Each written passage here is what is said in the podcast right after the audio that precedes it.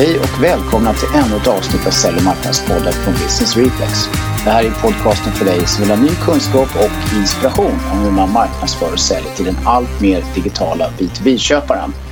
Och eh, i poddavsnittet idag så har vi eh, jag själv, Lars Dahlberg och eh, med mig har jag också Anders Hermansson såklart. Ja, precis. Vi hade egentligen tänkt vara i vår eh, nya fina studio på Salviglen i Gamla stan. Men det, det gick inte vägen, Anders. Nej, vi har flyttat in och vi har köpt möbler. Det, det är så fint alltså. Det är verkligen kul att få ett nytt fint hem. Men det blev lite för mycket stök och bök så vi har inte hunnit. Så det här poddavsnittet eh, blir inspelat via Skype. Lite Skype. Skype. Ja. Eh, det blir så här lite Skype-feeling här. Det brukar vara lite, lite, lite längre avbrott mellan våra meningar. Vi är inte riktigt lika tajta när vi kör via Skype för vi inte tittar varandra i ögonen. Vi kanske borde köra med video alltså, så vi kan se varandra djupt i ögonen när vi kör Skype. ja, och apropå det så, så är det ju liksom det det här dagens avsnitt handlar om faktiskt. Eh, rätt mycket. Inte just video men nästintill. Och eh, det ska ju vara lite reality-skrap också när man kör live. För det är live vi ska prata om oh. idag, livestreaming. Ja, knarrig stol, det kanske duger som för att få lite känsla i podden. Ja, så ja. blir det lite mer äkta. Mm. Eh, det förra avsnittet var det ju Anders då vi faktiskt eh, genomförde en livestreaming som sedermera blev en podcast. Ja, jag intervjuade en kille som heter Patrik på en plattform som heter Blab. Och då direkt sänds det här till de som vill titta då när man spelar in. Sen tog jag ljudet från den här och eh, editerade det ner till en podd. Precis, vi tänkte att det här avsnittet eh, lite grann ska eh, handla om just det här med livestreaming som fenomen och de här olika plattformarna som finns och varför man ska titta på det här och hur man kanske ska kunna använda det här om man är framförallt med en lite som en business to business vinkel, eller hur? Ja, precis. Det har ju blivit enkelt nu så att eh, nu är det relevant att prata om det tycker jag. Ja, och det är viktigt att, att eh, alla marknadsförare där ute förstår vad det här handlar om och vad man kan tänka ha, tänkas ha det till. Man kan kanske sätta igång och börja pröva och laborera med det här för att över tid eh, kunna börja nyttja det mer och mer effektivt. För att det är en trend som helt klart är här för att stanna. Det är ju inget snack om. Nej, det vart ju det var, var det förra veckan de var som TV4 körde Periscope första gången. Så det blivit mainstream väldigt, väldigt fort.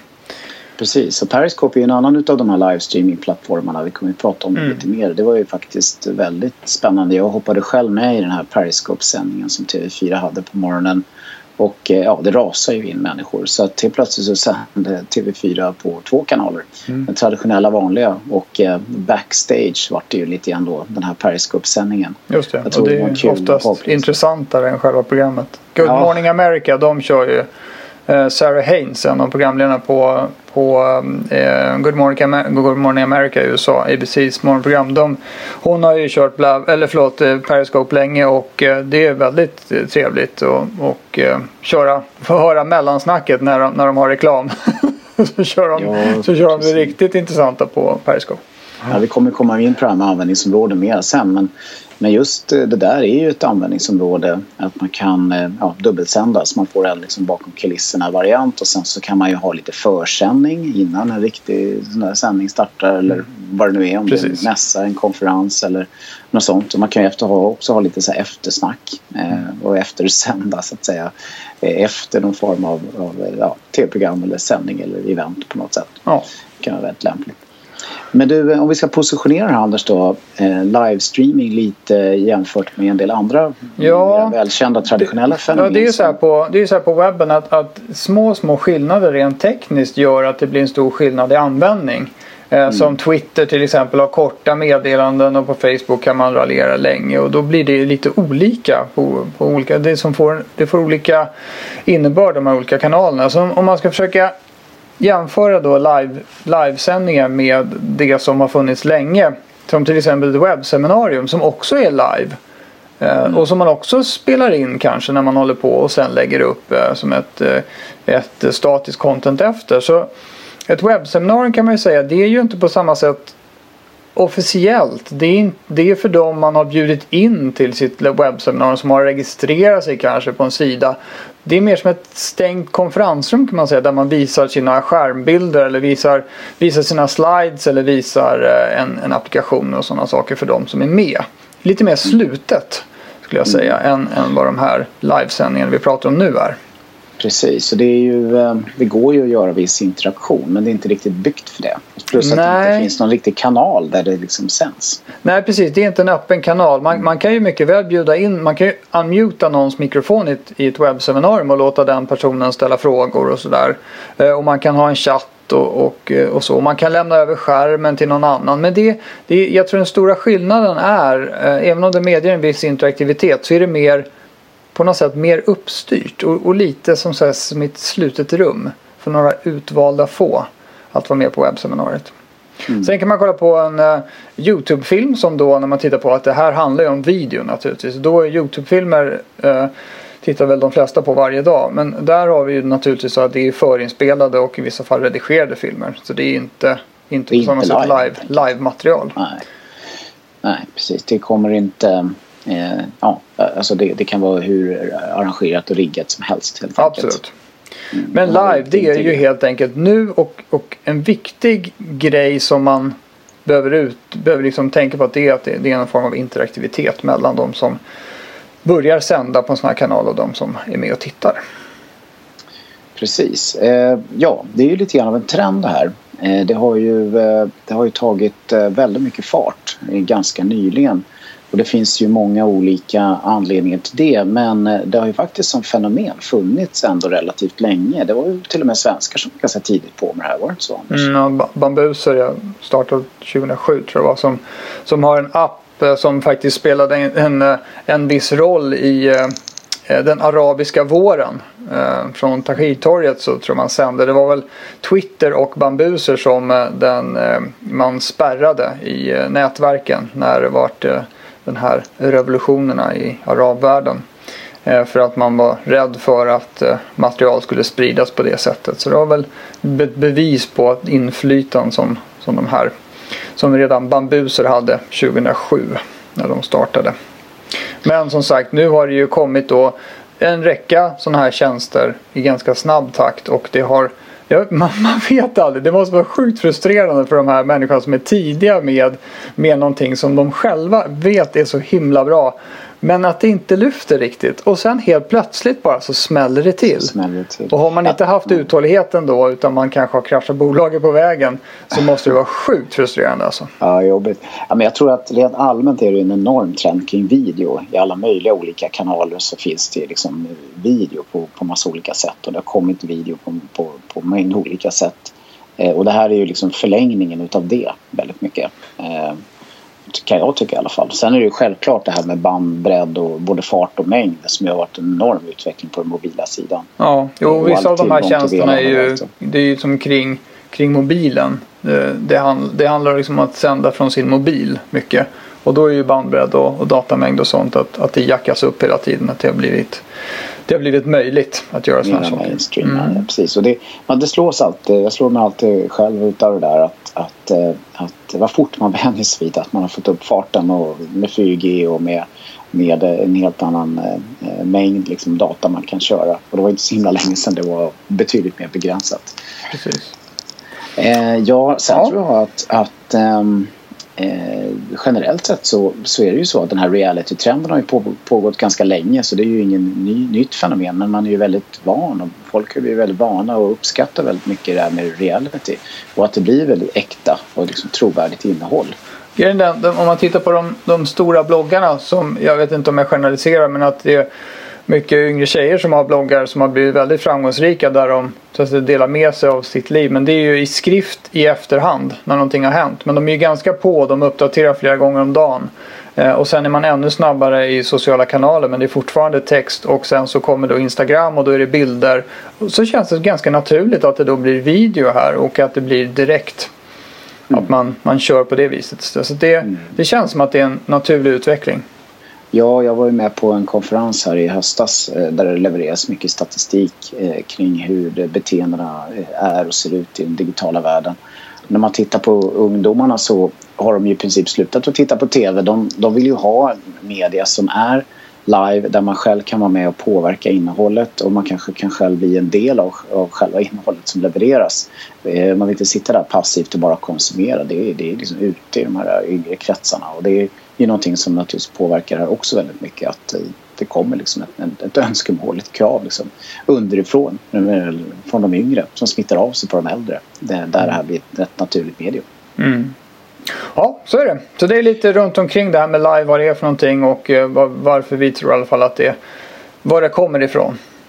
Ja, precis. Sen släpps det ju ett antal uh, intressanta nyheter kring det här också nu. Som till exempel att, uh, att det här med Periscope då, som är en sån här livestreamingtjänst, kommer, uh, det kommer med i ditt Twitterflöde. Ska vi, ska vi gå, jag tänkte, det, det är kanske är lite svårt att hänga med när vi inte har pratat om vad Periscope är för någonting. Ja, det kanske ska göra det.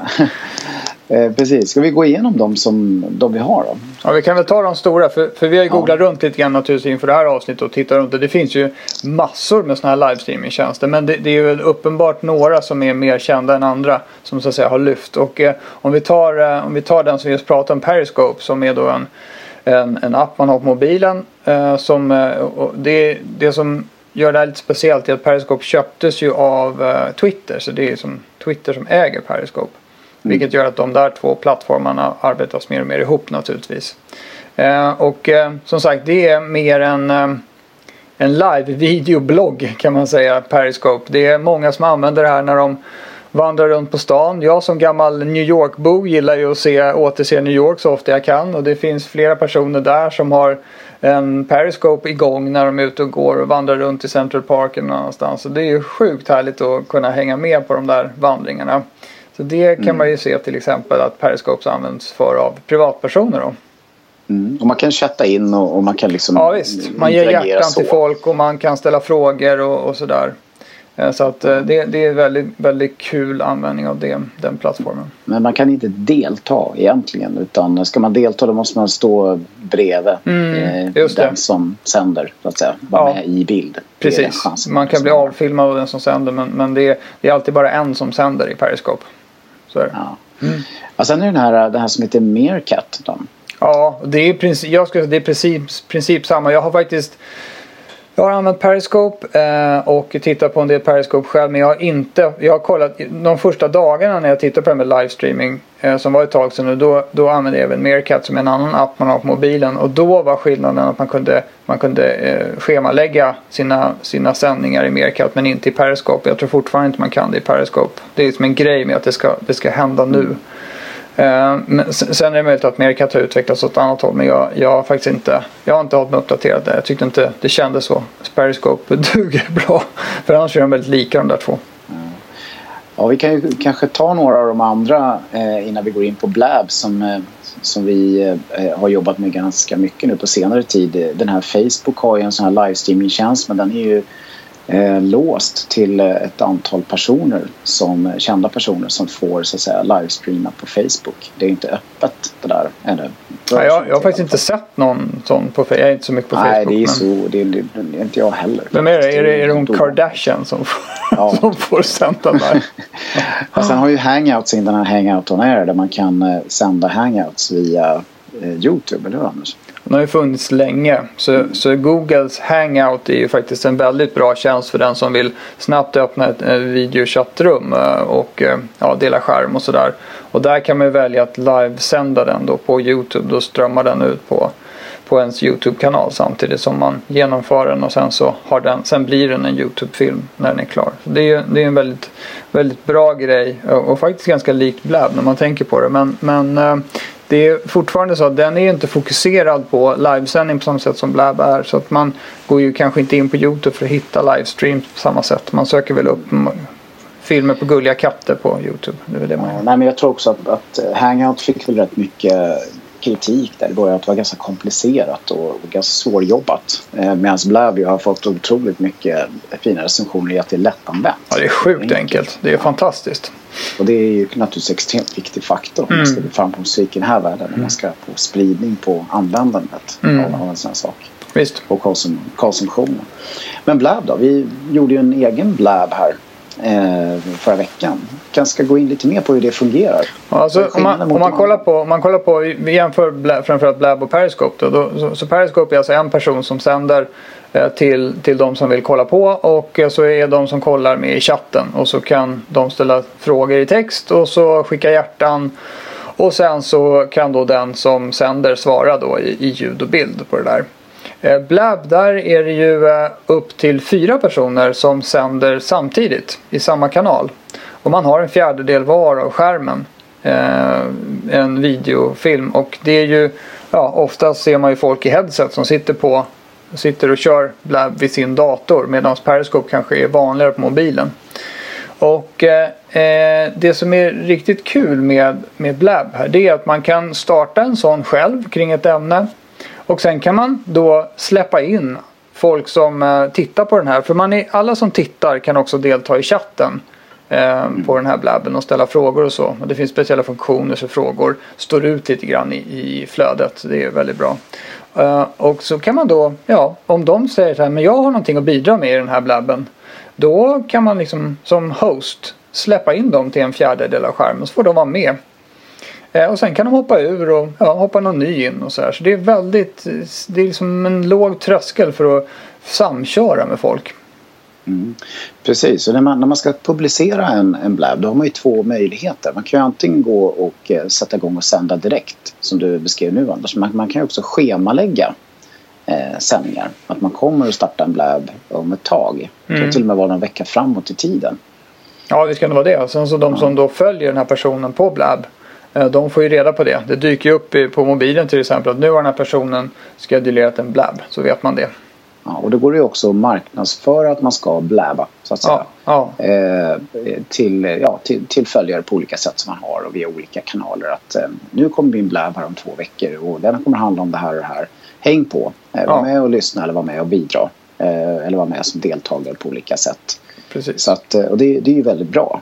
Eh, för att man ska få en ökad spridning och en ökad effekt av insatsen. Mm. För att köra det. Och det finns ju de som har redan etablerat en fast tid då man kör. Lördagsmorgon liksom, då kör vi den här blabben. Klockan, klockan 11 på lördagar då, då har vi blabb om det här. Så folk precis. vänjer sig vid det precis som att man vänjer sig vid att det är Onedin-linjen. Alltså vi som är födda på mm. 60-talet. Onedin-linjen alltså. Den gamle gubben. Jag kan se honom framför dig. På svartvit tv. ja. ja, herregud. Ja, så det kan man göra. Alltså man, kan, man kan som du säger tidställa eller så bara trycker man igång den och kör. Och när man trycker igång det här så, så pluppar det ut på Twitter. Eh, så de som man, om man har en stor följarskara på Twitter då finns eh, chans att de, eh, de eh, det, kan hoppa in på blabben helt enkelt.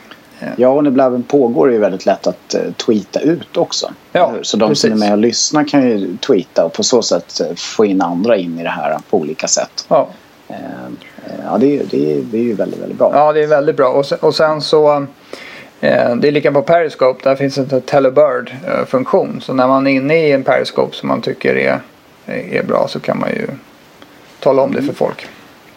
Ja, sen när man har genomfört en blab så finns det ju kvar. Eller hur? Mm.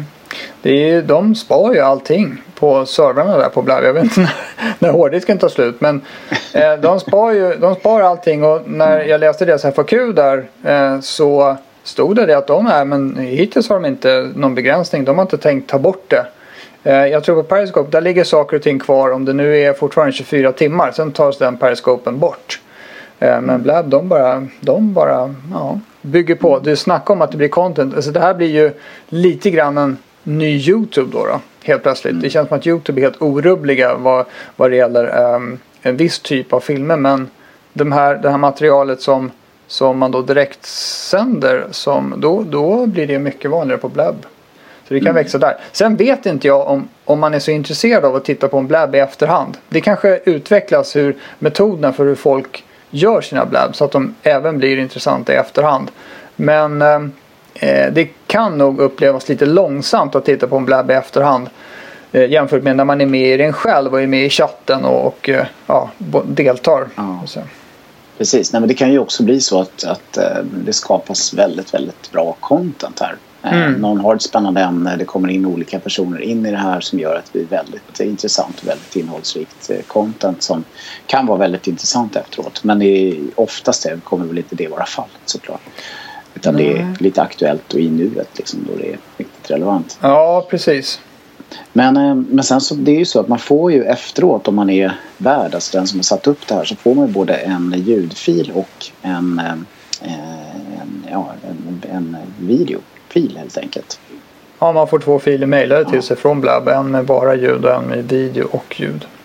Så de kan man använda. Det var, det var så vi gjorde när vi spelade in. Vi, vi tog egentligen bara Blab som en inspelningsmedia eh, och sen editerade vi ner det till en podcast. Eh, så. så det var ju inte att utnyttja interaktiviteten i den här plattformen fullt ut på något sätt. Men det var lite kul att testa. En grej som jag gillar faktiskt är att eh, den, eh, den, visar ju sändningar som pågår eh, när man startar upp eh, appen och då kan man styra via kategorier mm. någonting man ser mm. eh, som förslag på att, eh, på att hoppa med i. Just det. Eh, det är väldigt bra. Ja, när jag, man taggar ju sina, talar om vad den ska, vad den, vad den ska handla om sändningen när man kör igång den och, när man eh, planerar den. Sen så när jag gick in idag faktiskt så var det så att då fick jag inte komma vidare förrän jag hade valt eh, ett antal huvudkategorier som jag är intresserad av. Så att de styr lite grann nu vad jag får upp för förslag. Och sen inom mm. ramen för dem så kan jag ytterligare eh, förfina liksom, filtret med hjälp av de här taggarna. Men sen finns det en annan kul grej som du, du har forskat lite i Anders. Det är att man kan faktiskt embedda Blab på sin sajt. Ja, på samma sätt som att man får en, en så att säga, hemsida på Twitter så får man en, en hemsida på, på Blab. Så min blir väl då blab.im snedstreck A Hermansson. Eh, och den här kan man så att säga lägga, lägga så att den syns. Du öppnar ett titthål eh, mot den här sidan på sin egen sajt. Så att eh, just nu om man skulle gå till den sidan eller om man går till businessreflex.se blab då ligger min, min blab där bara i titthål och då är det min senaste eh, sändning som ligger där som man kan titta på igen. Eh, eller om jag skulle köra en blab just nu så skulle väl den dyka upp där. Jag har faktiskt inte testat det men jag, jag har inte testat att titta på mig själv medan jag kör en blab. Vi kan väl göra ett experiment med det. det är så här Being John Malkovich. Det är den filmen som man får. oh, shit. Ja. Ja, ja. ja men det, det där kan ju få fantastiska möjligheter när man får sin kanal rätt, eh, rätt ut från sin... Eh, ja, men då kan man ju bjuda in till en, till en blab som mm. man skickar ut ett mail, mailinbjudan till exempel till sin databas och säger på torsdag klockan tre kör vi, kör vi det här, välkommen till den här sidan och så riktar man bara folk till en sida på sin webbsajt och där kan de se en livesändning utan att eh, installera en massa programvaror och så. Så det är ju en riktigt bra grej. Du, jag tror vi behöver komma in lite mer på exempel på hur man kan tänka sig använda det här till. Eh, vi har ju själva använt en del. Jag tänkte man kanske kunde ta lite andra exempel. Framförallt om man är ett eh, business-to-business-företag. Eh, och en grej som jag har tänkt en del på som jag själv inte har varit med och implementerat än men som skulle kunna vara helt klart relevant. Vi har ju flera av våra kunder till exempel som har väldigt, väldigt bra bloggar där man kommer ut med regelbundna bloggar eh, väldigt riktade mot en viss typ av eh, köpare som man har eller målgrupp man vänder sig mot. Och eh, där man försöker tillföra värde regelbundet.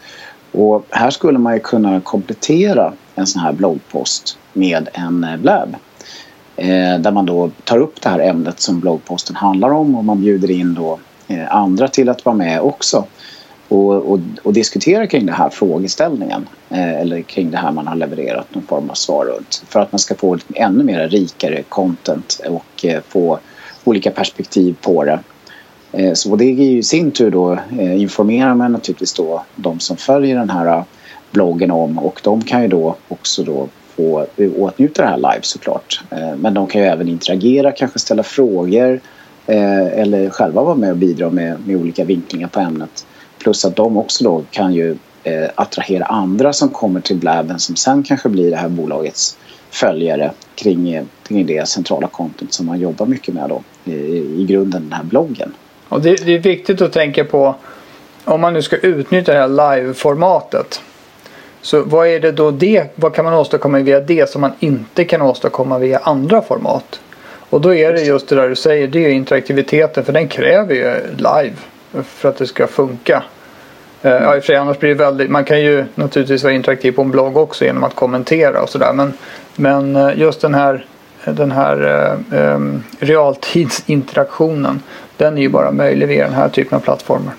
Ja, och om det då blir ett, bra avsnitt där det kommer till väldigt mycket nya spännande värden som inte fanns med i själva bloggposten från början så kan ju det då sparas och så kan man ha tillgång till det via sajten som en fördjupning kanske eh, om man vill veta mer om det här ämnet än det som framgick av själva bloggposten. Mm.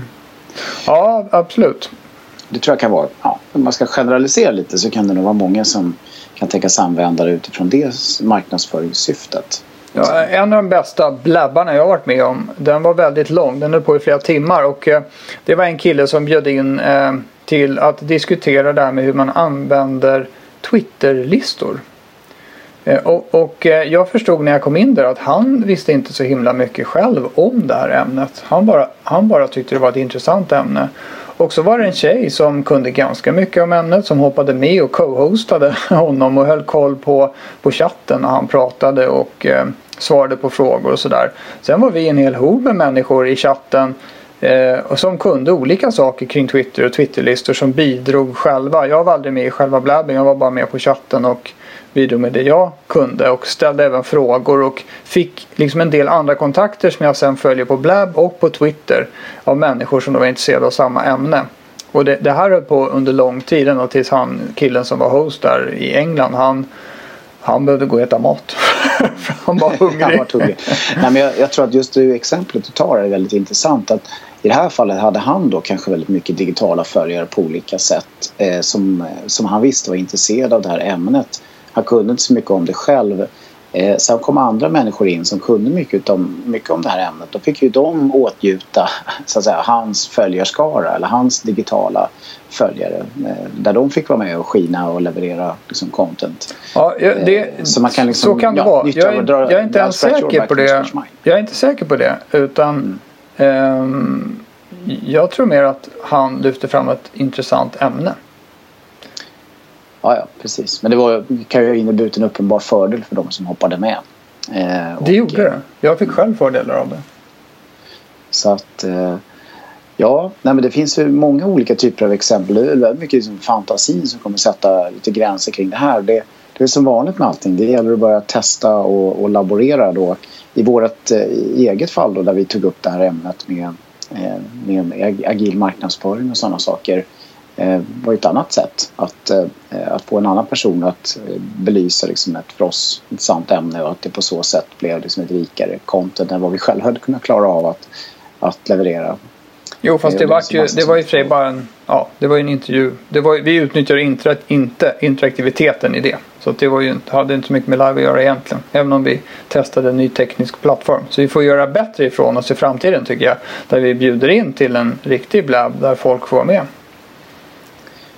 Ja, eh, eh, vad säger du Anders? Eh, nu har vi varit inne på våra blab. Vi har ju använt Periscope också en del. Fast där har vi gjort lite andra saker. Där har vi med livesänt eh, event som vi har gjort i den verkliga världen. Ja, just det. Ja, vi har ju faktiskt livesänt inspelningar av podden via Periscope. Det blir så här lite Inception nästan. Men, men eh, eh jag, jag, tror det att man kan ju säga att eh, när det har varit vissa konferenser kanske där man inte har haft biljett eller möjlighet att vara med själv så kan man följa vissa livebloggare som sitter och skriver som galningar för att beskriva vad som händer på scenen. Vissa Apple-event har ju varit så för min del när, man, när de inte har streamat dem. Nu streamar ju de allt men förut gjorde de inte det. Då fick man sitta och följa vissa livebloggar. Det här är ju en helt ny grej då. Då kan man ju eh, jag tittar faktiskt på flera konferenser där folk i publiken helt enkelt kör Periscope för att återge det som händer på scenen just nu. Eh, mm. Så det får ju en betydligt mer viral spridning även det som händer mm. precis just nu på scen. Nej, jag gjorde ju själv eh, bland annat en, workshop med en av våra kunder som jag eh, sände på Periscope. Och det var ju, eh, då, det skapade stor möjlighet ju för många andra att följa med det här och eh, titta på det här och ta del av det innehållet än bara de som var fysiskt på plats där mm. eh, på det här företaget där vi gjorde workshopen. Så gjorde jag workshopen med. Så det, är, det är ju eh, ja, det, det, är ett sätt att ganska enkelt då så att säga, få en bättre spridning och få andra människor att, att ta del av ens content eh, som man levererar i den fysiska världen. Absolut. Eh, ja, det finns ju andra som gör det här ganska bra också. Just, eh, just när det gäller Periscope så tycker jag att det här DI på tre minuter som går klockan tio varje dag är, är väldigt, väldigt bra. Något jag själv uppskattar väldigt mycket. Eh, som jag brukar titta på eh, hyfsat ofta faktiskt. Eh, och du tog ju själv upp ditt exempel med Twitterblärmen. Ja, just det. Och sen men på Periscope är ju um, det som jag tror jag pratade om initialt. Det var väl ABC's Good Morning America. De har ju Sarah Haynes där. Hon, hon kör ju off the record i mellantagningar eh, Periscope där. Det, jag tycker det är riktigt roande. Jag såg en annan nyhetsuppläsare i, i USA som, som eh, eh, hon hade typiskt mobilen uppställd så att den filmade henne på eh, när hon körde sin nyhetsuppläsning och sen när det inte var sändning så att säga då så visade hon runt i studion hur det ser ut där hon sitter. Det är väldigt intressant de här behind the scenes eh, tittarna som man får göra. Mm, precis och jag tror det också. Det finns ett eh, ganska mycket attraktionsvärde i det där. Det var ju lite grann samma exempel som vi tog upp om TV4 där. Vi får se om TV4 gör det här till, eh, till standard. Mm. Att alltid är Periscope bakom kulisserna. Just det. Ja. ja du, ska vi avrunda det här avsnittet? Eh, det stora tipset här det är ju helt enkelt att, att testa och pröva. Man måste börja prova och laborera med de här plattformarna. För att, att det här är här för att stanna och att det här kommer att vidareutveckla sig. Det är riktigt eh, säkert, eller hur? Ja, det enklaste för att sätta igång överhuvudtaget det kan bara vara lite nervöst att göra sin första Periscope-sändning. Men det går ju upp typ när som helst eh, om man bara har ett Twitterkonto ungefär. Sen så laddar man ner appen på sin mobiltelefon och så, och så gör man någonting. Det går, man kan ju promenera på stan eller vad som helst. Jag gjorde faktiskt det eh, första gången jag sände på Periscope. Då så gick jag runt Nybroviken.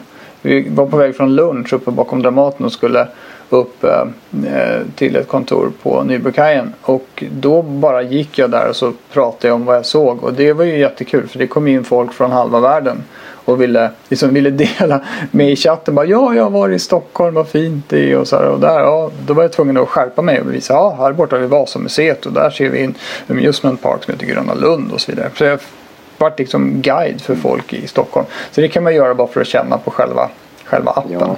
Ja, sen är det ju när man gör själv som, man, som den kreativa hjärnan sätter igång eller när man är med på bra grejer själv eh, som man, den kreativa hjärnan sätter igång så man får en bättre känsla för både tekniken och eh, vad man kanske skulle göra själv som mm. verkligen kan fungera. Och eh, för att sätta igång med att göra en blab så ska man då, då ska man med fördel inte sitta i samma rum utan man ska, ha, man ska sitta på två olika ställen rent fysiskt så att man kan interagera med, utan att det blir problem med ljud och sånt. Och eh, då kan man ju eh, intervjua någon över en blab. Eh, det är ju ett bra sätt att test, göra sin första testblab. Ja, men det är ju som vanligt eh, när man jobbar med sådana här saker att eh, eh, man måste ju vara relevant. Så vi kanske ska skicka med oss den lilla vanliga hälsningen. ja, det, det, får vi absolut inte missa. Första gången vi kommer att missa det, det kommer hända ja. hemska saker. Så att, eh, men det blir inte den här gången i alla fall. Nej, hoppas det.